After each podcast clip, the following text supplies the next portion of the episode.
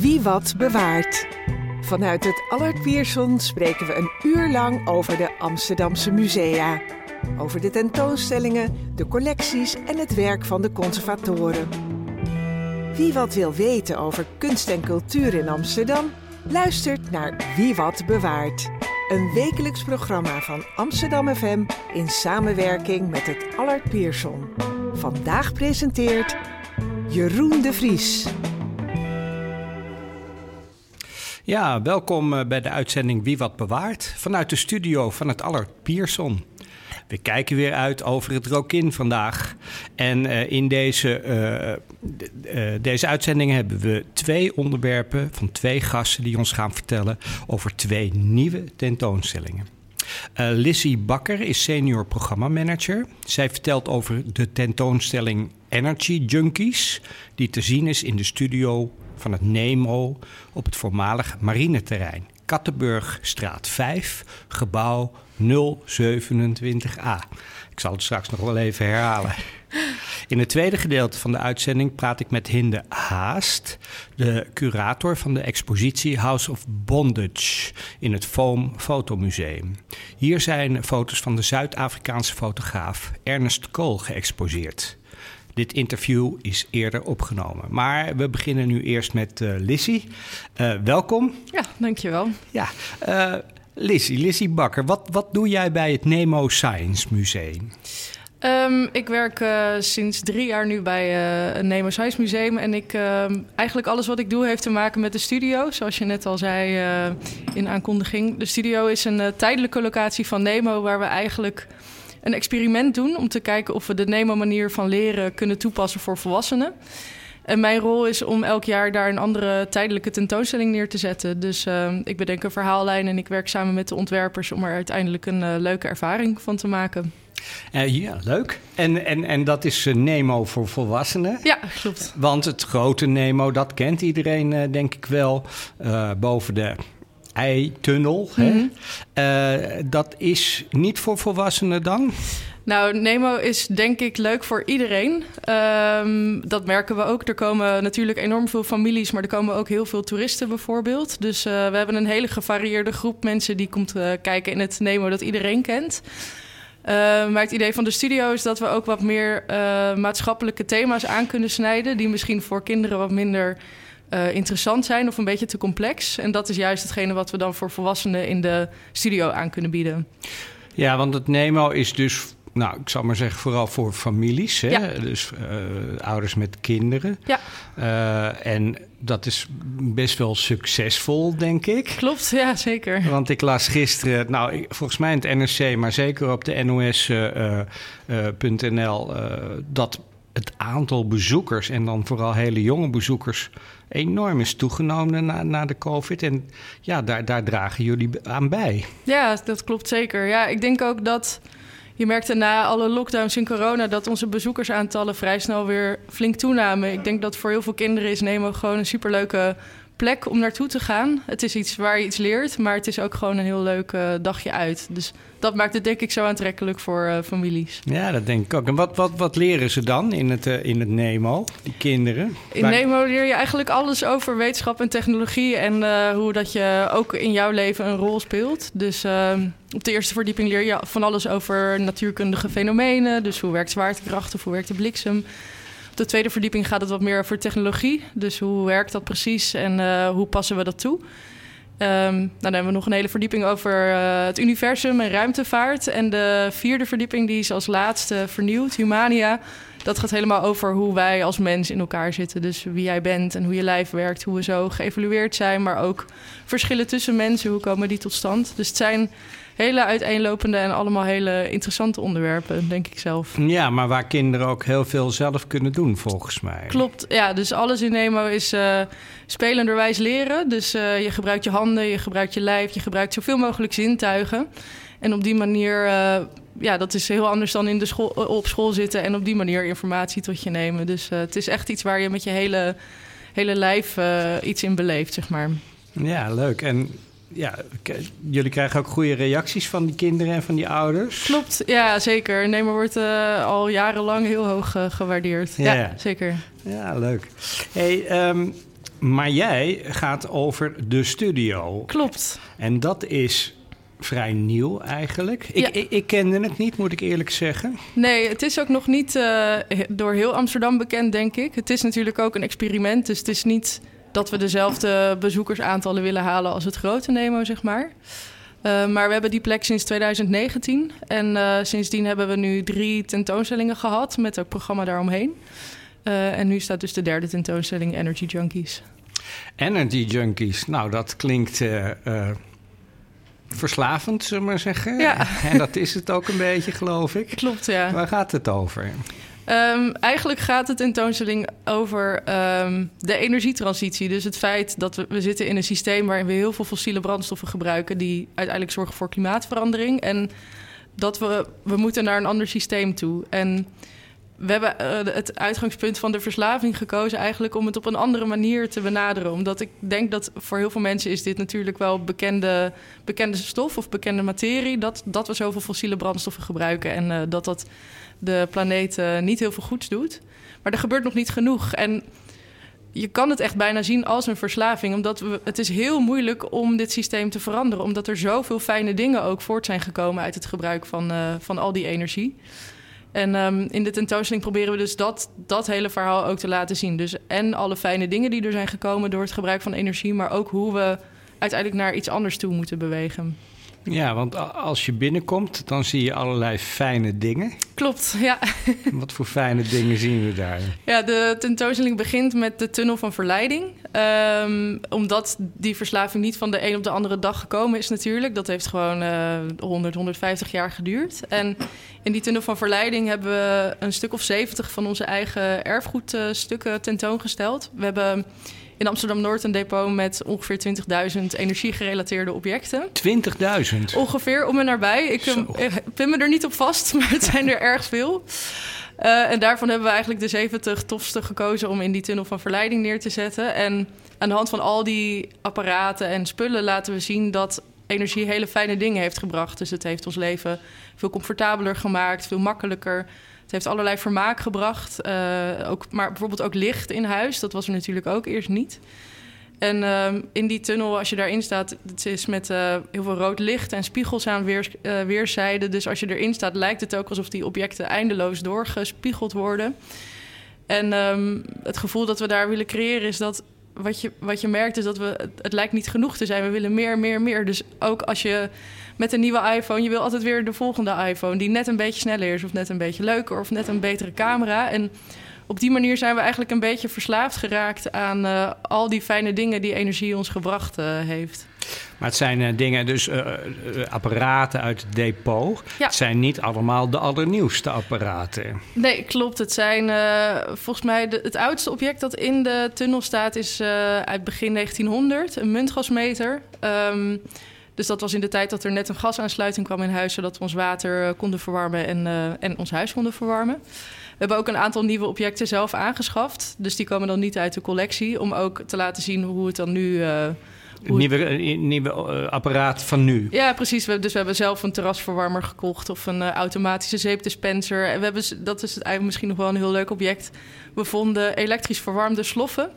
Dus dat zijn sloffen met een kabeltje, die kan je in het stopcontact steken. En dan zit er een soort verwarming om je voeten heen. Dat je ook denkt, hebben we dit echt nodig? Maar het is op de markt, dus schijnbaar wel. Dus ehm, op die manier laten we objecten van toen en nu zien. En op die manier eh, illustreren we hoe die verslaving zo eh, gegroeid is. Ja, eh, eigenlijk staat daar een stuk geschiedenis ook, wat jullie dan in het depot hebben. Want Ja. ik, ik, ik, zie, ik zag bijvoorbeeld allerlei, ik ben er ook geweest, ik zag allemaal televisies, Ja. ik zag PC's, ik zag Miele wasmachines. Ja. Met Miele er heel groot op. dus klopt. dat was mooi te zien in ieder geval. En ehm, nou ja, eh, jullie hebben dat in het depot en kopen ook nieuwe dingen. Die, eh, als de tentoonstelling is afgelopen, gaat alles het weer het depot in, neem ik aan. Ook de nieuwe dingen. Ja, dat moeten we per object eh, gaan bepalen of, Ja. het, of het belangrijk genoeg is om ook echt in de collectie op te nemen. Oké, dus daar, daar wordt el- elke keer over nagedacht. Ja. Ah, grappig. Ja. Hey, en ehm, ehm, wat krijgen we daarna? Ja, je loopt uh, door de tunnel heen en dan ga je door een gordijn. En eigenlijk zodra je dat gordijn door bent, slaat de sfeer helemaal om. Dus je bent net in een hele fijne plek geweest met mo mooi rood licht. En dan kom je een heel groot waarschuwingsbord tegen. En daar staat uh, dat er een bericht gaat volgen dat misschien uh, ietsje minder leuk is dan wat je net allemaal gehoord hebt. En dan is het eigenlijk tijd voor de confrontatie. Dus uh, ja, het feit dat we verslaafd zijn geraakt aan fossiele brandstoffen en dat daar iets aan moet gebeuren. En we hebben best wel een tijdje geworsteld met hoe gaan we dat bericht brengen. Want je wil aan de ene kant niet te alarmerend zijn en dat mensen helemaal lamgeslagen uit de tentoonstelling komen. We merkten zelf ook in de, alle gesprekken die we hadden met wetenschappers over, over deze problematiek, dat we zelf ook behoorlijk depressief werden terwijl we de tentoonstelling aan het maken waren. Dus dat is ook weer niet wat je wil. Maar als je te veel sugarcoat, dan ja, dan komt het bericht weer misschien niet goed aan. Als je het heel feitelijk houdt, ja, dan haken mensen af, want dan is het weer te saai. Dus uiteindelijk dachten we, nou weet je wat? We laten de bezoeker zelf kiezen hoe ze geconfronteerd willen worden. Dus de een wil misschien een zacht verhaal, de ander wil een heftige aanpak. Dus op die manier kan je zelf kiezen hoe je geconfronteerd wil worden met het uh, probleem. Ja, er staan eigenlijk drie zuilen en dan mag je kiezen welke confrontatie je, je, je krijgt. Ja. En dat is een, uh, een ja, een, een, avatar of een, een film uh, die jou vertelt dat het niet goed gaat. Ja, klopt. En dat er wat moet gaan veranderen. Ja. Op verschillende wijzen. Op verschillende wijzen, ja. En het is ook een beetje een knipoog naar de bezoeker zelf, omdat Stel je denkt, nou, ik wil dat heftige verhaal niet, houd maar een beetje zacht bij mij. Dan zegt dat ook iets over hoe jij misschien in de hele problematiek staat. Dus dat je niet het, het heftige verhaal niet wil horen. Terwijl als je misschien juist voor dat hele heftige verhaal kiest, ja, dan ben je er misschien dus al heel erg mee bezig. Dus op die manier proberen we ook mensen te laten reflecteren op hun eigen houding in de hele crisis, zeg maar. Ja. Uh, krijgen jullie daar ook iets van terug? Of uh, doe je daar iets mee? Uh, nee, op dit moment niet. Wat we zien is dat veel bezoekers er gewoon alle drie aflopen. en de, volgens mij, het werkt ook juist best wel grappig. Omdat de eerste is dus heel hoopvol en zegt... Ehm, daar zegt de, de, energiecoach, dat is Eva Kleven... die ook onder andere het Klokhuis presenteert. Die is nog heel hoopvol en zegt... met z'n allen kunnen we dit oplossen. En we zijn zo vindingrijk, dit gaat gewoon lukken.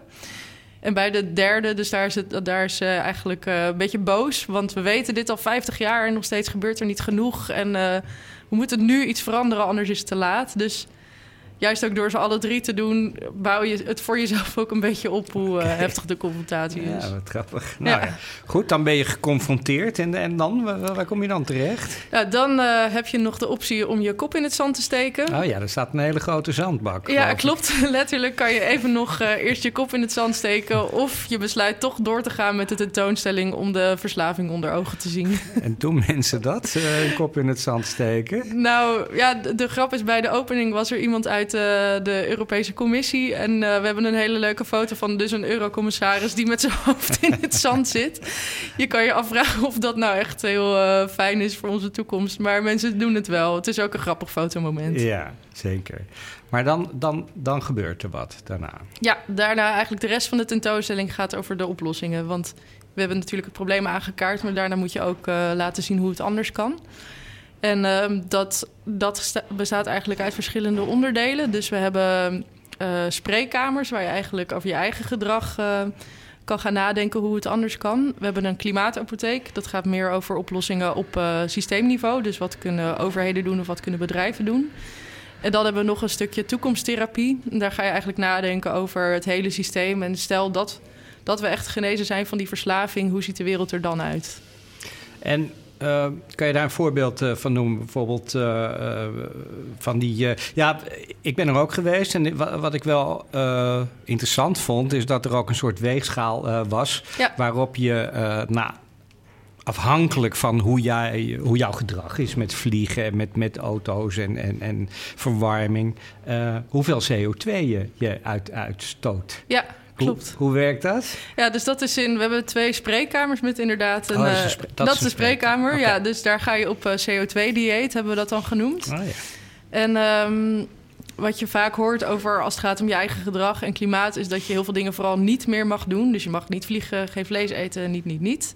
En wij dachten, we draaien het om, want je kan nooit zonder uitstoot leven. Dat, dat gaat gewoon niet. Ja, nu alleen al omdat ik uitadem, stoot ik eigenlijk CO2 uit. Dus stel dat je in plaats van zegt dit mag niet, zeg je dit mag wel. Dus we hebben dan een soort CO2-budget gegeven aan die weegschaal. Dus dat is dan een bepaald gewicht aan CO2 dat je uit mag stoten. En jij mag zelf als bezoeker bedenken wat, wat wil ik doen om binnen dat budget te blijven. Dus stel je wil die verre vliegreis maken. Hoe compenseer je dat dan met andere keuzes? Ja, nou, bijvoorbeeld geen vlees eten. Bijvoorbeeld geen vlees eten, ja. Oké, ja. dat, ja, dat vond ik wel uh, confronterend. Dan kan je in ieder geval kiezen. Precies, ja. Ja, ja want het, niks doen, dat, ja, je kan niet zonder uitstoot. Dan, uh, dat gaat gewoon niet. Nee. Nee, ja, nee, het moet alleen gecompenseerd worden natuurlijk op Precies. een of andere manier. Ja. ja. Uh, en die, die, die klimaatapotheek, wat, wat zien we daar? Ja, daar hebben we eigenlijk allerlei verschillende oplossingen getoond. Omdat, nou ja, er zijn natuurlijk heel veel oplossingen voor de energietransitie, maar er is niet één ding dat het hele probleem gaat verhelpen. Dus het moet sowieso een mix worden van allerlei verschillende oplossingen. En daarnaast is ook niet elke oplossing even wenselijk. Dus als er bijvoorbeeld ergens een nieuw windpark gepland staat, nou ja, dan niet iedereen is daar even blij mee. Dus het idee van de klimaatapotheek is dat je zelf gaat nadenken van wat zou ik dan een wenselijke mix van oplossingen vinden. En uh, je gaat dan met een medicijnbakje door de apotheek heen. Waar hebben we uh, drie schappen. Dus één schap gaat, zijn allemaal oplossingen waar het gaat om uh, minder uitstoten. Dus schone bronnen van energie. Eén schap is um, CO2 afvangen, gebruiken of opslaan. Dus manieren om CO2 weer uit de lucht te halen.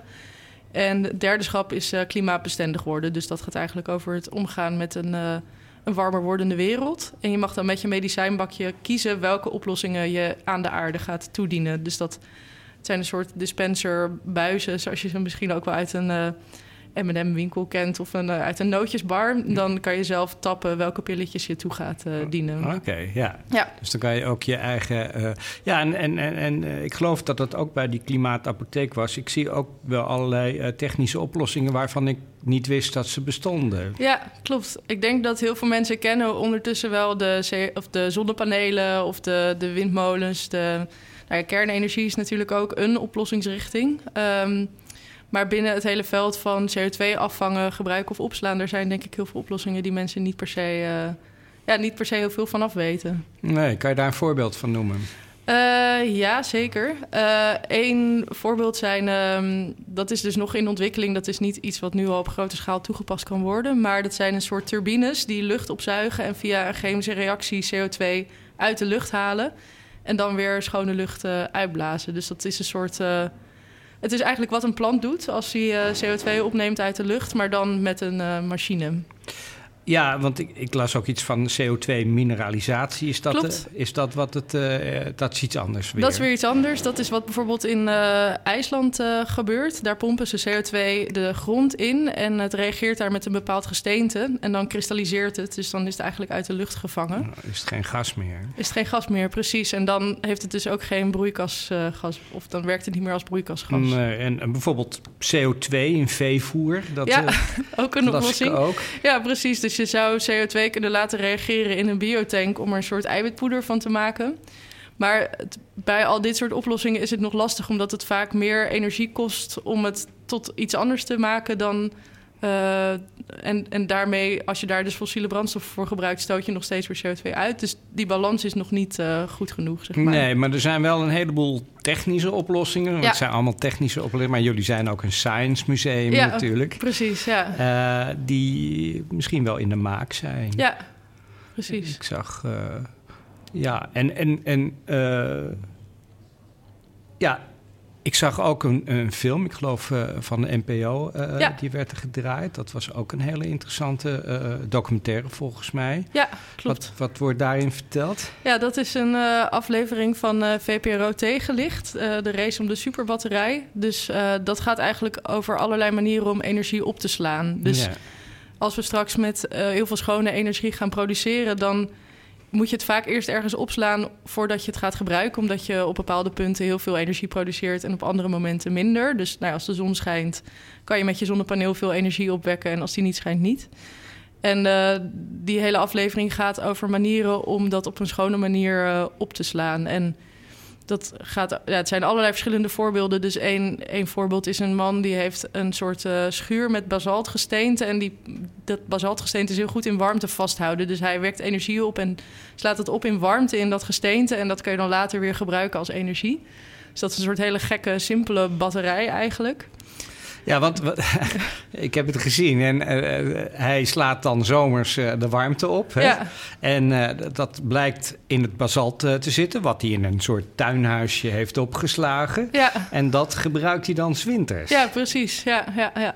Een andere hele mooie die ik vond is dat er blokken op elkaar worden gezet door de energie die wordt ge, ge produceert, hè, bijvoorbeeld door wind- of zonne-energie. En uh, als die energie nodig is, dat die blokken weer naar beneden worden getakeld, getakeld waar energie weer vrijkomt. Ja, precies. Ja. Het zijn natuurlijk wel hele mooie. Ik heb hem nog nooit gezien, gehoord en hele grappige ideeën, maar dat, het kan natuurlijk ook. Ja, het kan ook. Ja, dan met die blokken maak je eigenlijk gebruik van de zwaartekracht. Dus ja, dat is er altijd. En als je dat. Uh, ja, dat kan je dus op een bepaalde manier ook als energieopslag gebruiken. Hey, en dan, ja, en dan, dat heb je allemaal gehad, hè, zullen we zeggen. Je bent een gedeelte van de tentoonstelling al gehad, al, al door. En dan, dan, nou ja, dan voel je iets, denk ik. Ja. ja, dat hopen we wel in ieder geval, ja. ja. En hoe gaan jullie met die gevoelens om? Uh, we hebben daar uh, we hebben een tafel staan waar je eigenlijk kan reflecteren op hoe je je voelt. Nu je weet dat er hoe dan ook heel veel gaat veranderen. Dus of uh, de wereld verandert omdat wij niks, zelf niks veranderen, of wij veranderen en houden daarmee klimaatverandering tegen. Dus nou ja, ik heb zelf ook bij de hele ontwikkeling van de tentoonstelling heel veel gevoeld. Van heel veel angst tot ook wel hoop. En ook een beetje acceptatie of zo van het probleem. Dus we wilden eigenlijk bezoekers dat ook, uh, daar ook op laten reflecteren. Dus je kan dan met een tellertje aangeven welke emotie je voelt. Dus of een positief of negatief. En dan hebben we dat opgedeeld in, ik weet ze even niet uit mijn hoofd, maar hoopvol, blij. Um, maar ook angstig of boos of uh, nou ja, dat soort uh, gevoelens eigenlijk. Oké, dat, en dat is zo'n beetje het einde van deze tentoonstelling. Maar dan ga je meteen een nieuwe tentoonstelling in. Ja, nou daartussen, als ik dat uh, daarna... Nou, sorry, ja. Als het mag, ja. ja. ja daarna uh, krijg je dus nog de kans om een uh, tekening te maken van je toekomstdroom. Oké.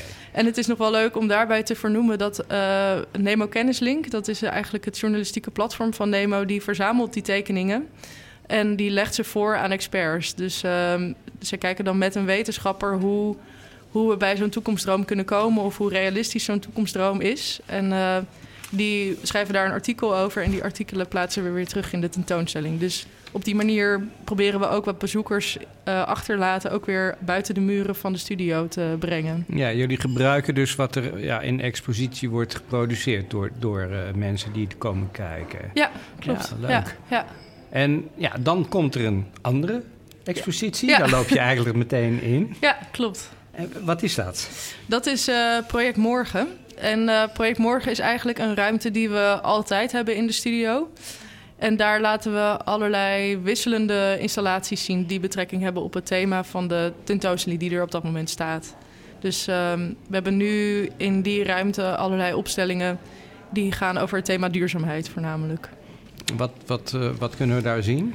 Uh, een opstelling is bijvoorbeeld een bank die gemaakt is uit uh, het beton dat gebruikt wordt voor het opslaan van kernafval. En de grootte van die bank is precies de hoeveelheid kernafval die in één dag wordt geproduceerd in Nederland. Oké, okay, dus dat uh, hebben jullie beeldend gemaakt. Ja, dat is dan een installatie van de Plannenmannen, dus die is extern geproduceerd. Maar wij hebben dan die tentoongesteld binnen Project Morgen. Ja, je kan er ook iets, iets doen met bouwen, met allerlei grondstoffen, met allerlei uh, ja, materialen, nieuwe ja. materialen. Ja, klopt. Dat is een huis van, uh, dat met uh, biobased materials. Dus dat zijn allerlei materialen die, vanuit een, die je vanuit de natuur maakt eigenlijk. Omdat dat ook een manier is om CO2 op te slaan in bouwmaterialen. En dit is een opstelling die eigenlijk ontwikkeld is voor een uh, familietentoonstelling in Nemo. Die heeft daar ook gestaan in de zomer. Uh, en wij dachten, ja, dit is zo'n leuke opstelling, die kunnen we ook gewoon in Project Morgen inzetten. En dat is dus een leuke manier dat iets wat eigenlijk voor families bedoeld is, soms ook voor volwassenen gewoon heel uh, leuk kan zijn. Wat is het verschil tussen de tentoonstelling uh, Energy Junkies en Project Morgen? Uh, Energy Junkies is een tentoonstelling die we echt intern produceren. Dus daar, we, daar maken we het verhaal echt met een kop en een staart. En in Project Morgen bieden we eigenlijk ruimte om allerlei verschillende opstellingen te tonen. En ook opstellingen die wij niet per se zelf uh, produceren. Dus het is ook een beetje een podiumfunctie voor andere kunstenaars of wetenschappers. Of, ja. ja, want ik, er staat bijvoorbeeld een, een, een zonneauto, een ja. zonneraceauto die in Australië gebruikt is. Ja, klopt. Ja, van de TU Delft is die auto. Ja, ja, die heeft meegedaan volgens mij aan de race. Ja, klopt. En er staat een waterstofauto. Ja. Autootje. Het Autootje. Is niet, niet, Eén persoons. Het is niet zo groot. ja, klopt. Dus dat zijn allemaal dingen die je daar kan zien. Mhm. En uh, ja, er staat ook... Want je moet zelf ook uh, dingen doen. Staat bijvoorbeeld ook een... Hoe ziet het vervoer uh, van, van, de toekomst, ja. van de toekomst eruit? Ja, Wat Klopt. kan je daar doen? Ja, we hebben een, uh, in project Morgen een, uh, de vragenmuur, zoals we dat noemen. Dus dat is eigenlijk uh, over de hele muur staan een aantal vragen over de toekomst. En bezoekers mogen daar helemaal losgaan met hun gedachten over de toekomst. En het wordt, we, we hadden niet verwacht dat het zo veel gebruikt zou worden. Maar we moeten echt dagelijks die muur leeghalen, omdat mensen helemaal losgaan met hun antwoorden. En wat ook leuk is, is dat mensen echt op elkaar reageren. Dus dat als iemand iets opschrijft, dat iemand anders daar weer iets bij schrijft. En ontstaat bijna een soort gesprek uh, tussen bezoekers op die wand. Oké, okay, dus mensen zijn heel actief bezig ook in die expositie. Ja, zeker, ja. ja. Ik denk ook juist omdat het, het, zijn maatschappelijke onderwerpen, dus iedereen voelt er wel wat bij, iedereen heeft er wel een mening over. En dat, uh, ja, dat uiten mensen dus wel in de tentoonstelling, dat is wel heel leuk. Ja, en ja, bewaren jullie dat ook? Eh, ja, wat ze daarmee doen? Of maak je foto's van of iets? Ja, we maken er wel foto's van. Ja. We, doen ook, we doen sowieso onderzoek naar hoe mensen de tentoonstelling beleven. Ook omdat het een experiment is van uh, Nemo. Dus we proberen wat we elk jaar leren in de tentoonstelling daarvoor weer toe te passen in de tentoonstelling daarna. En dan hebben jullie uh, ook donderdagavond in de studio. Ja, klopt. Ja. Wat is dat? Ja, we hebben um, drie keer een blok waarbij we om de twee weken op de donderdagavond een programma doen. Uh, dus dat, zijn, dat neemt allerlei verschillende vormen aan. Dus we hebben een comedyavond gehad waar we stand-up comedians uh, grappen hebben laten maken over het klimaat eigenlijk. Uh, we hebben ook uh, theatervoorstellingen gehad, maar ook lezingen. Dus binnenkort is er een lezing over uh, de toekomst van kernenergie. Ja, en, 13 april is dat. Ja, 13 april. Dus is kernenergie wel of niet een redding voor deze hele problematiek? Um, ja, dus we hebben daar hele uiteenlopende programmering op. Uh... Ja, leuk. Daar kan iedereen heen. Het begint, ja. uh, hoe laat begint dat meestal? Meestal om acht uur, zeg oh, ik even uit mijn hoofd. Ja, maar... acht uur. Ja. En vanaf uh, zeven uur kan je dan de tentoonstelling zien. Bezoeken, precies. En hoe, hoe, hoe weet je wat er is? Dat kan je op de website vinden. Dus op Nemo Science Museum, de studio. En dan is er een aparte pagina voor het programma. En daarnaast is het altijd slim om de socials uh, van Nemo in de gaten te houden. Daar wordt het ook aangekondigd. Ja, de, de kosten van die avond zijn 7,50. Ja. En uh, die, je kan niet met je museumkaart of zo, want het is natuurlijk een aparte uh, lezing. Dus ja. dat is hartstikke. Het lijkt me erg leuk om, om te doen. Ook omdat het zo uh, verschillend is. Want ja, oké, okay, volgende keer is een lezing. 11 mei is ook een lezing. Mm -hmm. Maar op 25 mei is dan weer een workshop ja. met klimaatmythes ontkracht. Ja, ja, ja, klopt. Ja. Nou, ik zou iedereen aanraden om uh, naar die. Uh, naar, die, naar het programma te gaan kijken. Zeker. En nou, ik dank je wel, dank je wel, Lissy, voor dit interview. Ja, graag gedaan. Um, ja, dan gaan we nu over naar een uh, eerder opgenomen interview met Hinde Haast over het Foammuseum. Uh, excuses voor de kwaliteit van uh, het geluid, dat is, dat is iets minder. Ja, aan tafel in het Foammuseum, het Fotomuseum, wordt het interview opgenomen. En ehm, naast mij zit Hinde Haast, conservator van de tentoonstelling Ernest Cole House of Bondage. Je hebt hem ingericht en samengesteld. Ja. Hoe was dat? Heel bijzonder. Uh, ja, het is prachtig werk. Een hele bijzondere fotograaf uh, die zeer ondergewaardeerd is ge gebleven in de geschiedenis van de fotografie. Um, en daarom voelt het ook wel zo'n grote verantwoordelijkheid om het op een goede manier, uh, zijn oeuvre op een goede manier hier in Nederland te laten zien. Ja, want waar gaat het over? Uh, het is een overzichtstentoonstelling van het werk van uh, Ernest Cole, uh, geboren in Zuid-Afrika, in eerste rust in een township buiten Johannesburg. En hij was eigenlijk een van de eerste free, zwarte freelance fotografen die het leven onder apartheid in beeld bracht. Um, en dat was ook echt zijn eigen beleving en zijn, zijn leven die hij, die hij in beeld bracht. Ehm, en publiceerde onder de titel House of Bondage, vandaar ook de titel van de tentoonstelling. Ja, Huis van de Slavernij, klopt dat, vertaling? Ja, je kan het op verschillende manieren vertalen. Ja. Ehm, maar het heeft in ieder geval niets met bondage in de hedendaagse zin van het woord te maken. Nee. Het was een uh, uh, zwarte Zuid-Afrikaanse freelance fotograaf. en hij ging als eerste, bekend in ieder geval, de apartheid voor de zwarte mensen fotograferen. Hoe ziet de tentoonstelling eruit? de tentoonstelling is opgedeeld in de hoofdstukken die ook het boek had. Um, dat zijn veertien verschillende hoofdstukken die elk een ander aspect van het ja, dagelijks leven onder apartheid belichten. Dus bijvoorbeeld uh, de commuters in het Nederlands. Is dat? Ja, de, uh, de forensen eigenlijk. hè, tussen de townships en Johannesburg, waar een deel van de zwarte bevolking niet zomaar vrijelijk mocht komen. En heel lang moesten reizen om naar hun werk te komen, wat wel downtown was.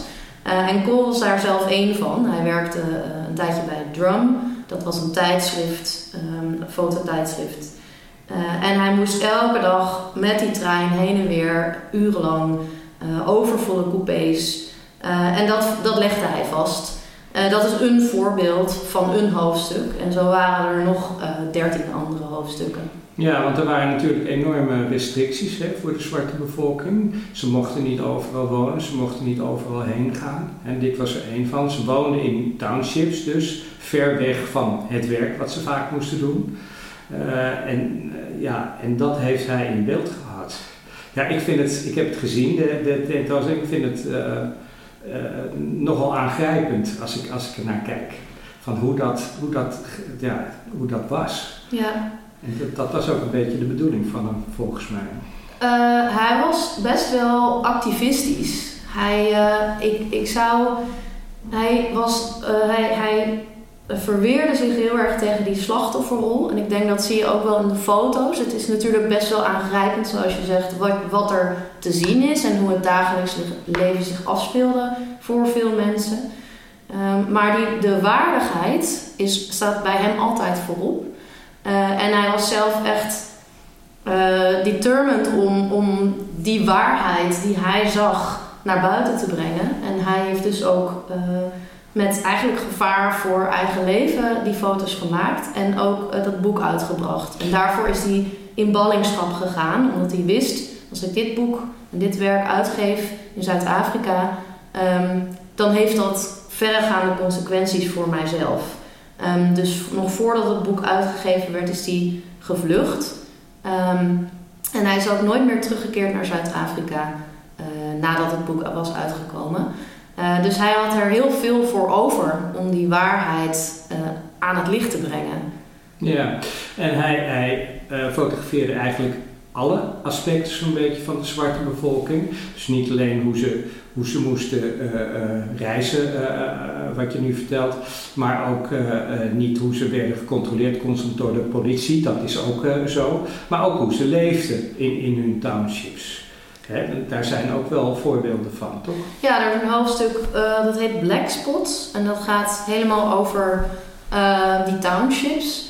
Um, en dat, dat hoofdstuk is eigenlijk voortgekomen uit um, Ernest Cole's eigen uh, geschiedenis, zijn familiegeschiedenis. Want hij woonde dus in Eerste Rust, daar is hij geboren. In Eerste Rust? Ja, met vijf broertjes en zusjes en zijn ouders.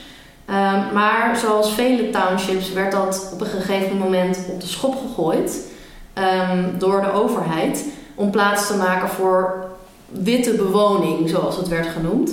Uh, en uh, de, dat hele township werd gewoon met grond gelijk gemaakt. En de familie Cole uh, werd verplaatst naar Mamelodi, naar een door, door de overheid gebouwde um, ja, woonplaats met allemaal identieke huisjes die hij ook fotografeert.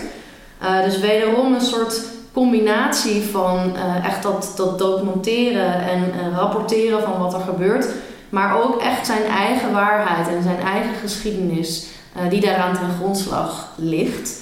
En zo geldt dat voor heel veel hoofdstukken. Dus er is een hoofdstuk over scholing, er is een hoofdstuk over ehm, ziekenhuizen. En dat heeft hij allemaal gefotografeerd in het ziekenhuis waar hij zelf bijvoorbeeld een keer heeft gelegen. Nou ja, en op die manier maakt hij zijn eigen waarheid en zijn eigen geschiedenis uh, trekt hij zeg maar door om de geschiedenis van een land te vertellen.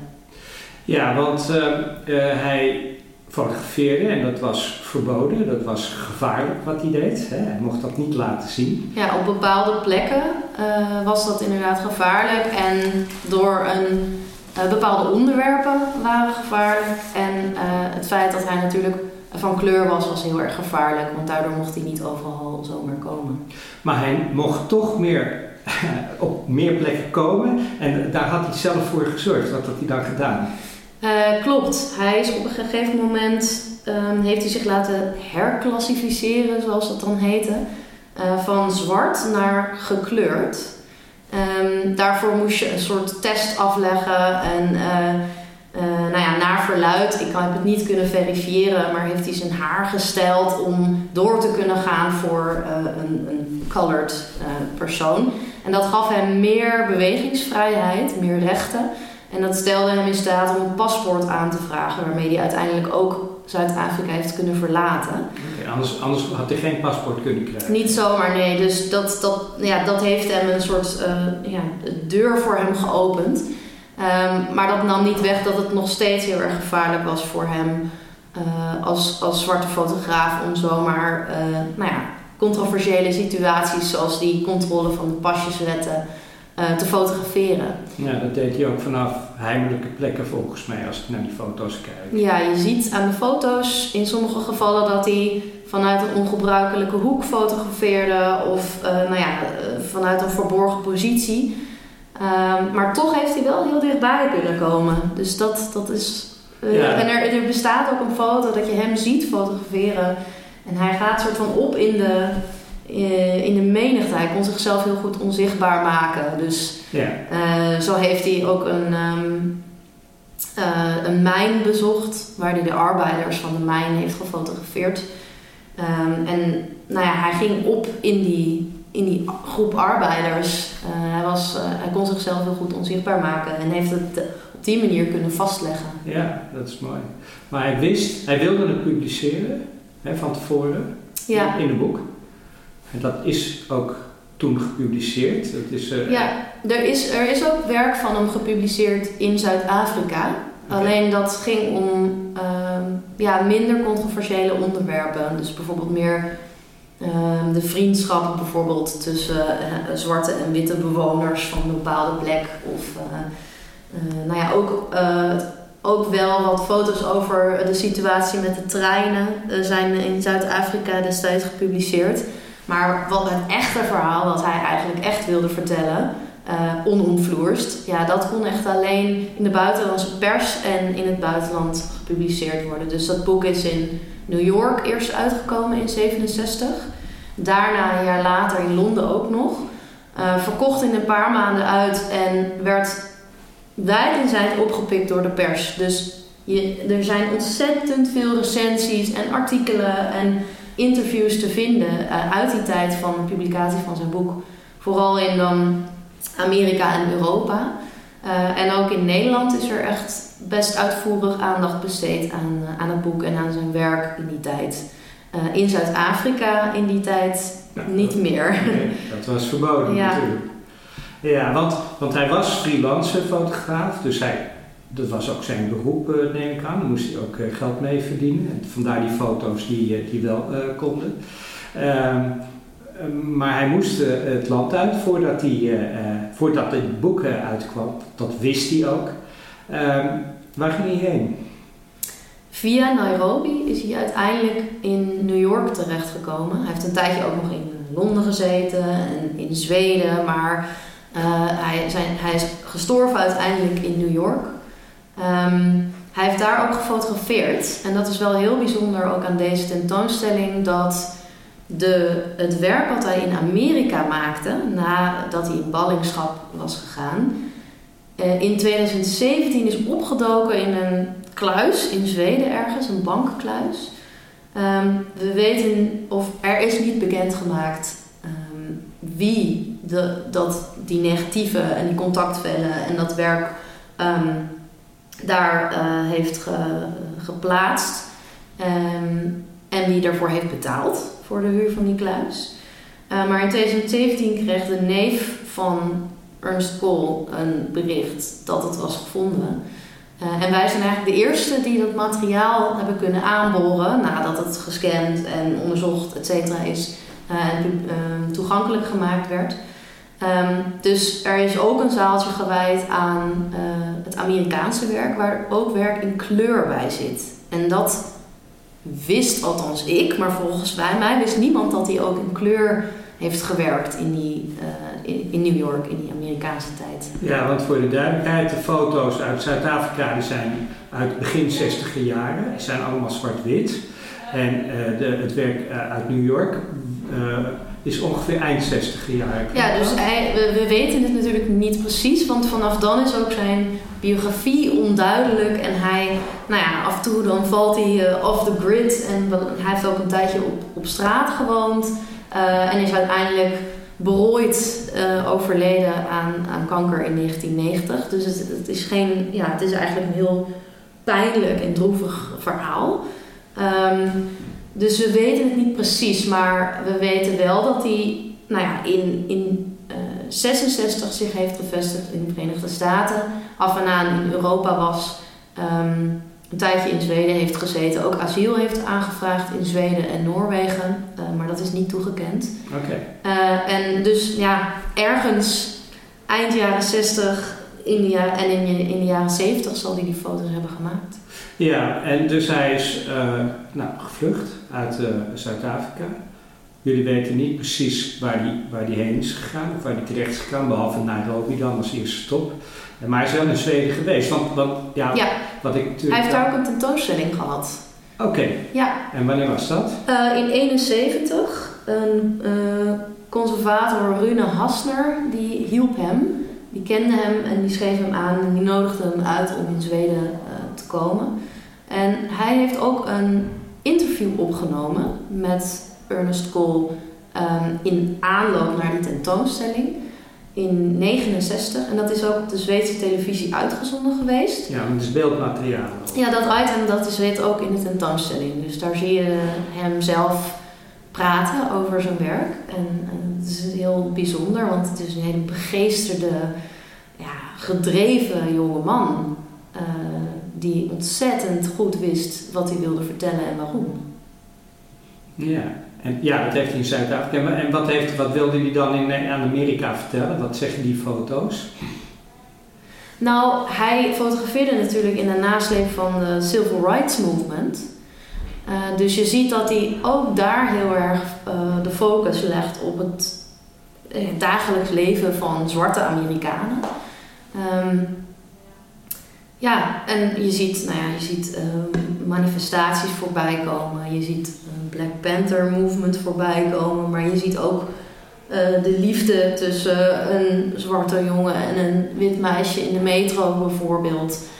Um, of twee uh, jongens die elkaar omhelzen op straat. dat soort dingen ook. Dus het was wederom, ja, dook hij echt in, in dat leven en wilde die laten zien. Um, wat er gebeurde in de samenleving. Ja, en, en vooral ook op straat. Het zijn vooral ja. dus ook straatfotografie. Ja, zeker. Ja. zie ik, tenminste, ik zie mensen langslopen. Het, het, het is ook een tijdsbeeld. Heel erg. Je ziet. Ja. ja, en ook, uh, ik kreeg op een gegeven moment een opdracht van de Ford Foundation. Um, ik geloof in 71 ook. En hij uh, kreeg een reisbudget om ook in de zuidelijke staten van Amerika te gaan fotograferen. Uh, dus er zit ook materiaal uh, tussen van die reizen, die natuurlijk weer een heel ander verhaal vertellen. Um, maar wat, ik, wat mij het meest persoonlijk het meest aanspreekt, zijn echt die beelden, die straatbeelden in New York. En uh, die inderdaad, zoals je zegt, echt een, een, een soort tijdsgeest vatten en een, een energie die, uh, die heerste op straat en onder de mensen. Ja, dat, ja dat, dat zie je heel mooi. Het is eigenlijk, ja, er wordt wel gesproken van proto-hip-hop. Het einde van de, tenminste dat heb ik opgepikt uit, uit de opening, dat werd gezegd. Uh, maar het is inderdaad een tijdsbeeld van eind jaren 60 in, in New York. Dat, dat is heel mooi om te zien in ieder geval. Wat mij nou wel integreert, en jullie denk ik ook, is, want dit, is, dit programma, dit radioprogramma heet Wie Wat Bewaart, dat die, ja, die negatieve en, en ja, dat hele oeuvre opeens tevoorschijn is gekomen in Zweden. hij heeft daar asiel aangevraagd, zeg je, maar heeft hij nooit gekregen. Hoe is dat mogelijk? Hij heeft er een tijd gewoond en gewerkt natuurlijk. En hij is ook. Um, hij had een contract met Theo Fotografer. Dat was een soort Magnum-achtig, een, soort, een agentschap die um, foto's, zijn foto's heeft gedistribueerd. Uh, en wellicht ook verkocht, waarschijnlijk aan uh, nou, tijdschriften, kranten, et cetera. Ja, daar leefde hij van, denk ik. Uh, ja, en hij heeft natuurlijk die tentoonstelling daar gehad um, en samengewerkt met Rune Hasner. Nou ja, en heel veel meer weten we eigenlijk niet. Nee, maar het zijn wel 60.000 geloof ik negatieve. Ja, het is ongelooflijk uh, de hoeveelheid. En hij heeft dat natuurlijk allemaal uit Zuid-Afrika um, meegesmokkeld. Hè? Dat, dat, het materiaal voor House of Bondage. Um, en het New Yorkse materiaal, ja, we weten niet hoe dat in Zweden terecht is gekomen. In ieder geval, ik weet het niet. Nee, en zijn jullie nog bezig om daar wel achter te komen? Ja, de familie, de Ernest Gold Family Trust, uh, is bezig daarachter te komen. Want uh, ik was dus bij de opening, was uh, heel leuk. Maar daar was de familie, of de neef in ieder geval, was ook aanwezig. Klopt. Is dat de neef die, uh, die negatief ontdekt heeft? Of die ja. bestaan heeft? ja, hij is eigenlijk een soort gezant van de familie. Ja. die is aangewezen om, om, deze, om de estate te, voor te zitten. En hij kreeg inderdaad het bericht van de vondst. En hij is daarheen gegaan en hij heeft dat gezien in die kluis. Want hij heeft hem, um, ja, en hij probeert dat nu, of zij, of die familie dan in ieder geval, Ja. probeert dat uh, nou, te, overal te tentoonstellen. Ik hoorde ook dat er misschien wel een documentaire gemaakt gaat worden. Ja. Weet je daar iets meer Nee, van? da- dat is echt nog in de works. Dus daar weet ik het fijne niet van. Dan, dan moet je bij, uh, toch echt bij de familie zijn. Um, er is wel een uh, heruitgave geweest, in, echt zeg maar samen met deze tentoonstelling van House of Bondage. Ja, Want dat boek is natuurlijk nu heel zeldzaam geworden. Ja, die, die kan je hier ook in, in, in foam kopen. Ja, ja natuurlijk. Ja, dus dat is, uh, dat is een heel mooi document waar heel veel van die foto's in zitten. Er komt ook een vervolgpublicatie, ook bij Aperture, van het werk wat hij inderdaad in New York en in de Verenigde Staten heeft gemaakt. Dus dat is wel, een, uh, ja, dat is wel echt een nieuwe publicatie. Uh, en ja, wij hebben daar dus een selectie van in de tentoonstelling uh, zitten als een soort voorproefje uh, van nou ja, de, de, rijkdom eigenlijk van dat nog onontgonnen archief. En dit is nog maar de tip of the iceberg, want hierna komen er natuurlijk eindeloze uh, publicaties en tentoonstellingen. In ieder geval dat hopen we en dat hoopt natuurlijk de trust en de familie. Um, omdat het archief nu voor het eerst toegankelijk is. Ja. En, ja, en ze maken dat toegankelijk voor verschillende musea. Of hoe, hoe heb jij jou, hoe heb jij jou uh, of jullie uh, tentoonstelling samengesteld? 60.000 negatieven. Hoe, hoe, wat haal je daaruit? Ja, nou de, de selectie voor House of Bondage hebben we heel erg laten afhangen van Cole's eigen selectie. Dus die heel duidelijk aangegeven staat in het boek natuurlijk. In het boek, ja. Um, daarbij heel veel publicaties gezocht die in de tijd zijn verschenen. Dus er, er is ook heel erg een context geschetst van nou ja, hoe, hoe bereikten die foto's mensen eigenlijk, behalve in het boek, uh, door, via de media. En wat, wat was het discours of wat, wat werd daarover gezegd? Um, en voor de selectie van het werk uh, in New York en, um, en de zuidelijke Verenigde Staten is heel erg samengewerkt met Aperture, die dat boek natuurlijk uh, wil gaan uitgeven en waarvoor scans moesten worden gemaakt. Um, dus die selectie is afkomstig uit een soort hun eerste uh, grove selectie. Zij hebben die selectie gemaakt, jullie niet.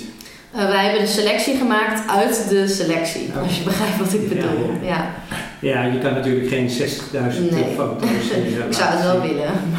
Nou ja, de foto's eh, uit New York, die laten jullie, die projecteren jullie. Hè? Eh, dus dat, dat kunnen er best wel veel zijn. Er zijn er ook best wel Ja, veel. er zijn er heel veel. Ehm, ik weet het exacte aantal even niet meer, maar volgens mij 150 ongeveer. Ehm, en daarnaast hebben we ook een greep uit de contactvellen gedaan, want die zijn Ja. natuurlijk ook heel interessant om Ja. te bekijken. Want daar kan je heel erg dat maakproces eh, van Cole zien. Hoe bewoog hij zich door een bepaalde situatie? Wat fotografeerde die en welke beelden koos hij dan eigenlijk? Oké, ja, dat, dat is interessant. Dus dan, dat zijn negatieve en die maakt hij een contactvel eh, van en dan zie je alle, alle foto's naast elkaar. Ja, dat zijn hele kleine ja, contactafdrukjes, Ja. inderdaad, de naam zegt het al.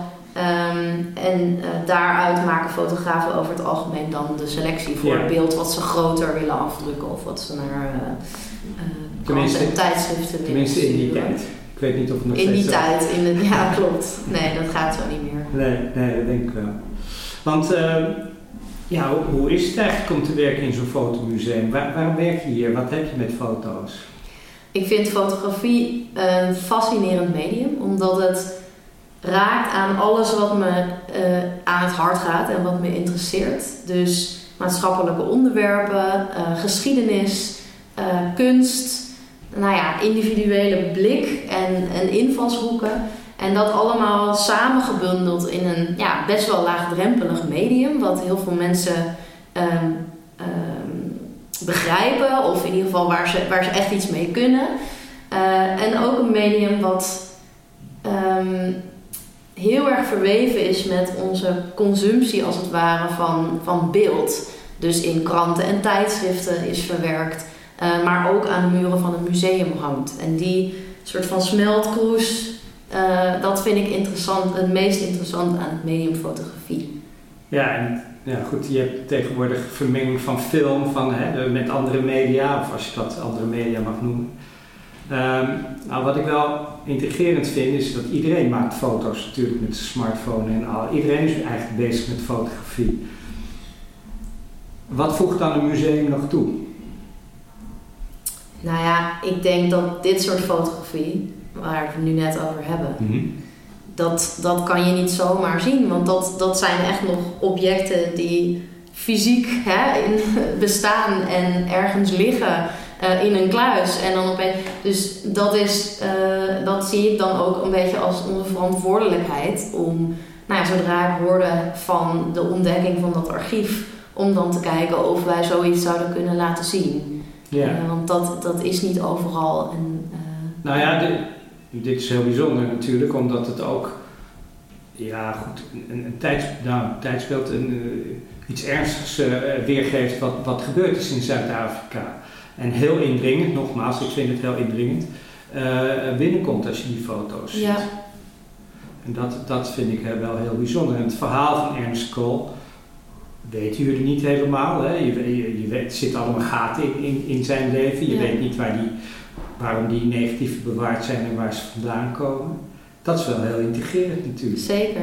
Ja, Ja, en ik denk ook dat het, of ik hoop dat het museum een plek kan zijn waar ook stil kan worden gestaan bij, eh, bij de beelden, maar ook bij de geschiedenis. En ehm, dat is natuurlijk ook iets wat je eh, in de soort van gauwigheid en vluchtigheid van ehm, ja, de manier waarop we tegenwoordig beeld consumeren, zal ik maar zeggen.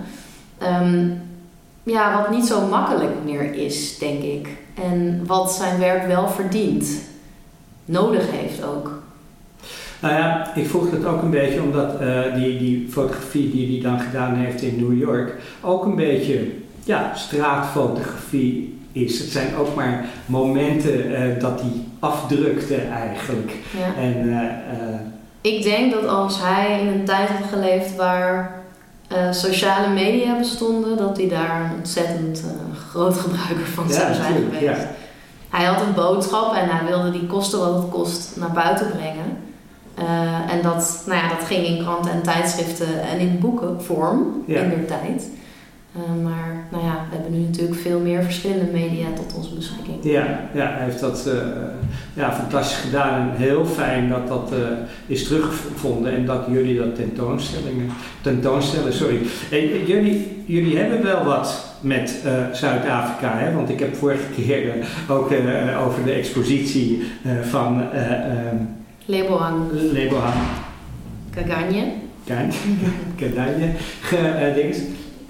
Dat is toevallig waarschijnlijk, hè? Dit was toeval.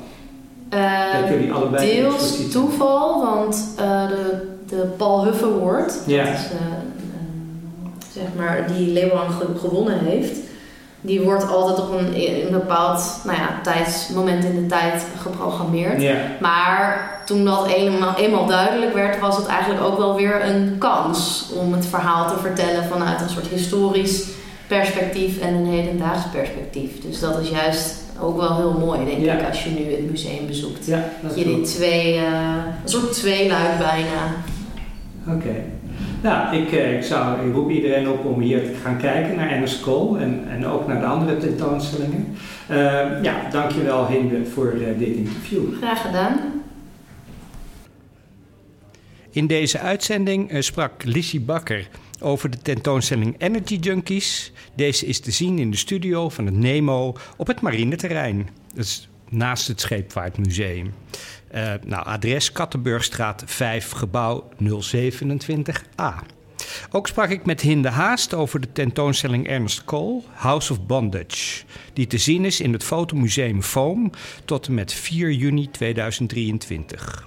Dit was uh, Wie Wat Bewaart, gepresenteerd door Jeroen de Vries. Met dank aan de gasten van, van vandaag, Lissy Bakker en eerder Hinde Haast. Techniek Abe Iping.